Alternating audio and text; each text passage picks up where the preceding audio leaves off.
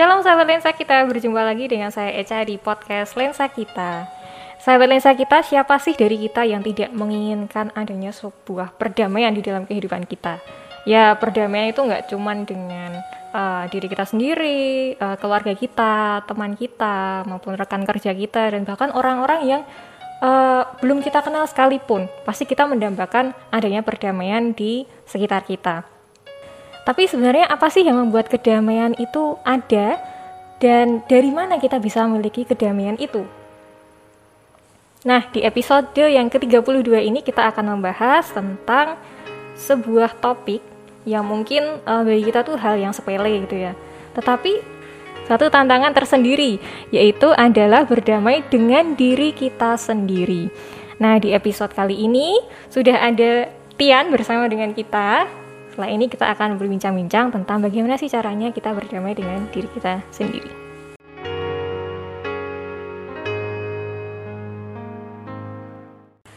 Halo Yan, gimana kabarmu? Uh, situan baik, sehat. Baik, sehat. Ya. Dan kali ini gantian kamu yang duduk di situ. Ya. Biasanya kamu duduk di belakang kamera. Sebagai kru biasanya. ya buat sahabat lensa kita, jadi Tian ini salah satu uh, produser dari acara podcast lensa kita ini yang kemarin udah ada Ayu juga uh, hadir di sini untuk jadi sharing bersama dengan sahabat lensa kita. Sekarang gantian Tian dan mungkin minggu-minggu depan gantian yang lain-lain yang di belakang ya. kamera itu ya. Gantian yang lain. Hehehe, Lian. Oke, Yan. Kita kan lagi mau ngobrol soal berdamai dengan diri sendiri. Ya. Menurutmu hal itu tuh apa sih artinya bagi dirimu? Um, kalau kalau menurut aku berdamai dengan diri sendiri itu ada tahapan-tahapannya ya. Hmm. Jadi yang pertama itu um, move on dari masa lalu. Mm -hmm. Jadi fokus ke masa kini sekarang. sekarang. Kemudian menerima diri sendiri apa mm -hmm. adanya dengan segala segala kelebihan dan kekurangan dalam diri. Mm -hmm. Kemudian menyadari potensi yang ada di dalam diri mm -hmm. dan mensyukuri hal itu. Mm kemudian mensyukurinya dengan cara mengembangkannya supaya bisa menjadi berkat bagi diri sendiri, sesama, dan juga Tuhan. Ada empat itu tadi? Ya. Nah itu kan tadi ada empat tahap tuh Yan, ya. yang menurutmu itu cara cara untuk berdamai dengan diri sendiri. Dalam kamu mengaplikasikan keempat hal ini dalam kehidupanmu, ada tantangannya nggak sih? Pasti ada. Pasti ada. Apa? Apa Kalau dari aku tuh dari pengalaman pengalamanku um, yang jadi tantangan tuh pertama um, menutup mata terhadap diri sendiri dan melihat hmm. selalu melihat orang lain pencapaian orang lain jadi kayak aku tuh merasa aku selalu di bawah selalu berada hmm. di bawah hmm. dengan orang-orang lain um, terus jadi ya yang jelas tuh nggak pede terus nanti hasilnya jadi ke um, takut untuk mencoba sesuatu hmm. dan meremehkan diri sendiri kadang juga gitu. Terus kemudian itu sering menyalahkan diri sendiri. Hmm. misalnya ada misalnya harusnya tuh bukan bukan karena kita tapi karena kita aduh kok aku, aku mesti gini loh. Hmm. dan aku kok aku gini toh? Kok aku kadang sampai kok aku bodoh banget toh? Kadang gitu oh, pernah. iya. jadi ya tuh sering menyalahkan diri sendiri. Terus habis itu nggak mau move on dari masa lalu jadi hmm. masih teringat-ingat terus jadinya nggak fokus sama yang dikerjakan sekarang hmm. jadinya nggak bisa berkembang karena kamu takut mengulangi kesalahan yang sama ya. yang bagimu itu adalah sebuah kesalahan ya. oke berarti kamu ketika menghadapi sesuatu nih Yan uh, kamu merasa rendah diri mungkin ya ya kata yang tepat itu rendah ya. diri bahwa aduh ah kayaknya aku nggak bisa deh kayaknya ini aku melakukan sebuah kesalahan padahal mungkin bagi orang lain itu adalah suatu prestasi. Itu adalah suatu wih good job gitu loh. Itu adalah hal yang bagus. Nah kamu dalam menghadapi tantangan yang kamu sebutin itu ada pengalaman yang bisa kamu share nggak ya kalau pengalamanku itu ada. Mm-hmm. jadi pengalamanku berdamai itu di, dari sejak aku SD SMP itu kan biasanya kalau upacara ya sih itu mm. di di akhir upacara tuh ada pengumuman bagi anak-anak yang berprestasi suruh maju oh. saya di lapangan suruh maju terus menerima piala biasanya hmm. nah aku tuh biasanya kan duduk di barisan upacara terus ngelihat mereka yang menerima menerima Upacara nggak duduk nih.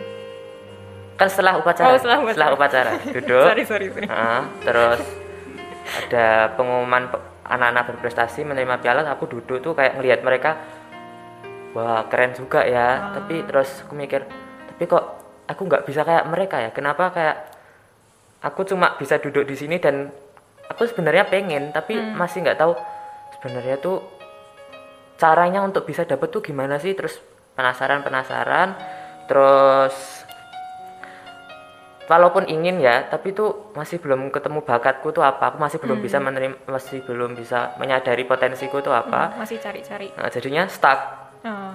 jadinya stuck ingin tapi kok nggak bisa pengen pikiranku tuh pengen tapi nggak bisa nggak bisa nggak bisa.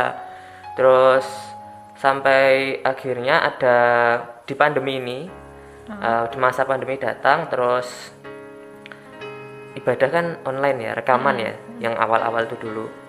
Terus em, waktu itu kalau nggak salah itu ada di ibadah malam refleksi kabis putih harusnya itu. Itu kan Mas Wid sendirian biasanya yang rekam ibadah Mm-mm. terus aku datang di situ terus ya aku bantu Mas. Wid yang rekam nyiapin tripod nyalain lampu dan sebagainya terus mulai sejak mulai saat itu tertarik oh Hmm. kok seru juga ya terus akhirnya Masang tripod seru. nggak kayak ngotak-ngotek kamera ya, ngepas ngepasin ngepas, Eh, terus aku lihat hasilnya juga oh bagus juga ternyata terus Hmm. habis itu sejak mulai saat itu pengen belajar lebih lanjut tentang kamera nih Hmm. terus habis itu hadirnya tim multimedia JKMI Solo itu juga sangat membantu saya buat em, lebih lagi eh, Explore. explore lagi Oke, misalnya kayak dulu itu rekaman itu Indonesia bagi muliaanmu yang Video vid- klip, video ah. itu. Itu kan aku juga ngerekam itu. Terus itu juga pengalaman seru dan memorable itu dulu. Jadi pengen belajar lagi. Terus akhirnya ada nih lihat di Instagram tuh tiba-tiba di timeline tuh ada info lomba fotografi. Hmm. terus di kan kayak waktu saat itu tuh penilaian akhir sem- setelah penilaian akhir semester kan libur naik kelas. Terus daripada nggak ngerjain apa apa ya udah cobalah lomba. Terus ikut lomba daftar cari foto terus daftar eh nyatanya menang. Oh. setelah menang terus oh ternyata ini nih ini nih bakatku. Terus mulai sejak saat itu ikut lomba-lomba terus ya. Puji Tuhan menang beberapa kali Hmm. dan ya akhirnya bisa akhirnya bisa mewujudkan keinginanku yang sejak dulu gitu.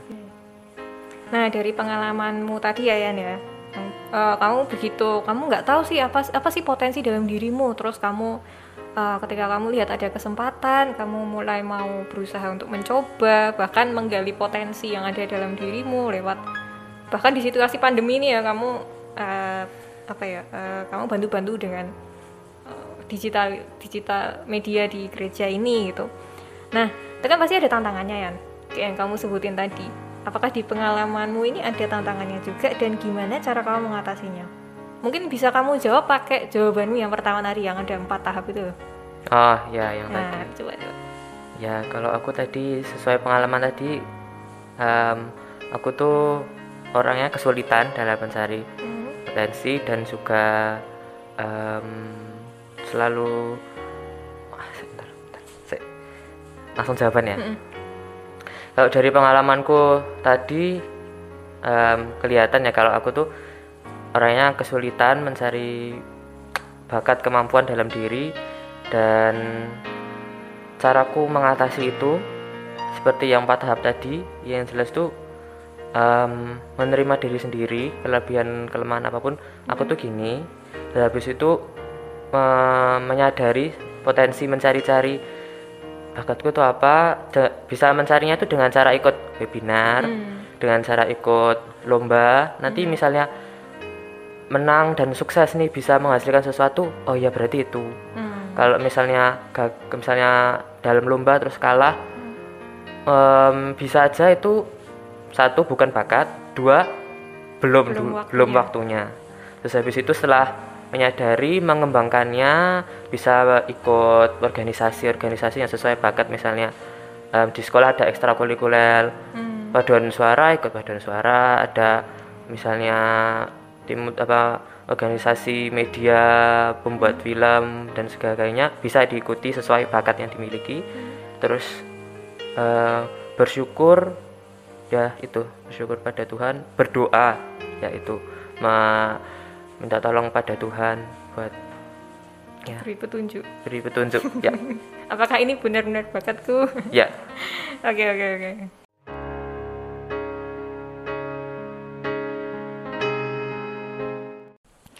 Nah, sahabat lensa kita, kita mau melihat ayat yang menjadi dasar perbincangan kita pada episode kali ini, yaitu dalam Mazmur 139 ayat 13 sampai 14. Sebab engkaulah yang membentuk buah pinggangku, menenun aku dalam kandungan ibuku. Aku bersyukur kepadamu oleh karena kejadianku dahsyat dan ajaib.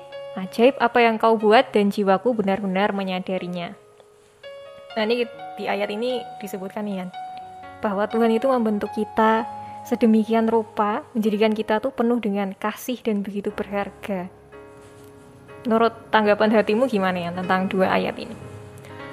Em, kalau aku menanggapi dan meresponi ayat ini tuh setelah membaca tuh aku sadar kalau Tuhan itu kalau menciptakan manusia itu luar biasa dilengkapi dengan berbagai kemampuan tapi juga dengan kelemahan sehingga manusia juga tahu bahwa mereka perlu Tuhan perlu orang lain di sekitarnya.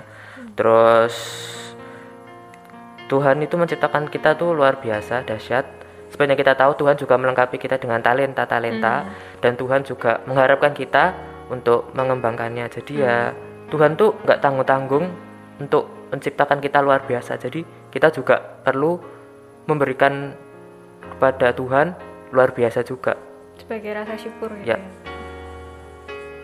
Nah, kamu berarti setuju nih bahwa Tuhan menjadikan setiap kita manusia ciptaannya itu dahsyat dan ajaib. Kalau menurutmu dahsyat dan ajaib itu yang kayak gimana ya? Em, dahsyat dan ajaib tuh em, sebenarnya contoh-contohnya tuh banyak ya kita lihat Hmm. di kehidupan sehari-hari tuh misalnya misal ya yang simpel aja nih misalnya di dunia ini Hmm. di miliaran manusia yang ada di bumi ini tuh nggak ada yang sama kan semuanya beda sifatnya mukanya dan Bahkan yang kembar pun juga beda. Iya kembar Baru identik pun ya. nggak bisa nggak bisa sama nggak Hmm. mungkin. Terus ya luar biasa kan sih kayak misal ada em, ini misalnya kembar ini ada tai lalatnya, yang satu nggak ada tai lalatnya, ada yang rambutnya keriting, ada yang rambutnya kan Hmm. luar biasa gitu dan juga bukan masalah fisik aja di bakat pun juga berbeda-beda tiap orang dikasihnya nggak mungkin sama dan dibuat berbeda-beda tuh untuk bisa saling melengkapi bisa saling bantu satu sama lain kemudian kalau mau mau dilihat lagi dahsyatnya seperti apa tuh kita bisa lihat dari tubuh kita jadi ada mi- triliunan sel Mm-mm. sel-sel yang nanti kemudian menyusun jaringan kalau di pelajaran biologi itu sel Mm-mm. menyusun jaringan jaringan terus nanti menyusun organ-organ tubuh kita Mm-mm. Kemudian nanti membentuk sistem organ sistem organnya bekerja sama membentuk diri kita dan organ tuh nggak cuma satu ada otak ada lambung ada usus tuh bisa bekerja sama terus jadilah manusia ini kan luar biasa Hmm. Berarti yang ajaib itu juga salah satunya itu tadi ya Yan ya, dengan bertriliunan sel-sel itu. Ya. Dan bahkan eh, kalau misalnya ada satu satu yang rusak pun otomatis tubuh itu nggak bisa balance. Ya ya kan? Ya, kalau ada satu sel misalnya sel otak ada satu yang mati itu otomatis yang lain juga ikut terpengaruh. Ya kalau nggak salah ya aku nggak berani klaim nah di dua ayat ini ya Yan. 13 dan 14 di Mazmur 139 ini menurutmu apakah firman ini bisa menjadi salah satu tuntunan bagi kita untuk kita bisa berdamai dengan diri, diri kita sendiri? Ya dari ayat firman Tuhan pada yang telah kita baca tadi kita disadarkan bahwa setiap diri kita tuh luar biasa diciptakan Tuhan. Dahsyat dan luar biasa. Dan Tuhan juga sudah melengkapi kita dengan berbagai kelebihan, potensi dan juga kelemahan yang ada. Dan kalau Tuhan sudah punya rencana atas diri kita dan seberapa jauh dan seberapa kuat kita ingin melepaskan diri dan ingin menutup diri kita juga pada akhirnya akan terlihat dan mau nggak mau kita juga harus menerima itu dan mengembangkannya. Hmm.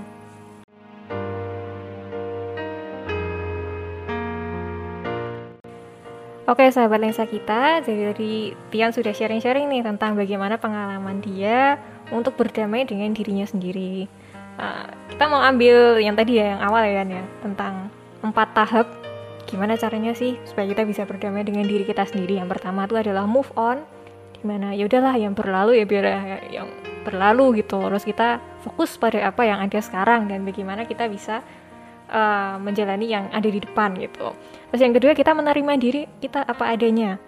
Yang ketiga kita menyadari potensi apa sih yang ada dalam diri, kita dan yang keempat adalah kita harus bersyukur akan potensi itu dan kita berusaha untuk terus mengembangkannya. Betul gitu Yan? Atau kamu mau ada tambahan lain? Ya, jadi udah betul dan hmm. Juga um, dalam tahap menemukan dan menyadari potensi itu terkadang butuh waktu lama ya nggak hmm. bisa kayak cepet-cepet langsung ketemu langsung. itu perlu proses hmm. perlu proses dulu dari awal nggak pede terus jadi pede dan ketika nanti pada suatu saat ada kesempatan datang harus dimanfaatkan dengan baik hmm. dan harus berani untuk mengembangkannya dan juga satu lagi buat teman-teman yang nggak pede minder untuk melakukan sesuatu mencoba sesuatu jangan sampai kayak gitu. Karena setiap diri kita tuh pasti ada kelebihan. Nggak mungkin kita isinya kelemahan hmm. tok dan ya pasti ada dan ya itu tadi perlu tahap perlu sabar dan ya karena Tuhan menciptakan kita luar biasa. Hmm. dan mungkin tak tambahin satu ya jangan uh, takut untuk mengambil resiko. Ya terjang aja terus nanti kita akan mendapatkan jawaban itu sendiri oke terima kasih banyak buat Tian atas kesediaannya mengisi lensa kita. Kami juga mengucapkan terima kasih untuk sahabat lensa kita yang sudah setia menonton dan juga mendengarkan dari awal sampai akhir. Jangan lupa untuk selalu patuhi protokol kesehatan ke mana pun dan di mana pun kita berada. Tetap ikuti terus podcast lensa kita yang akan tayang setiap minggunya di YouTube dan juga Spotify KKMI Solo. Terima kasih, sampai jumpa dan Tuhan, Tuhan Yesus memberkati.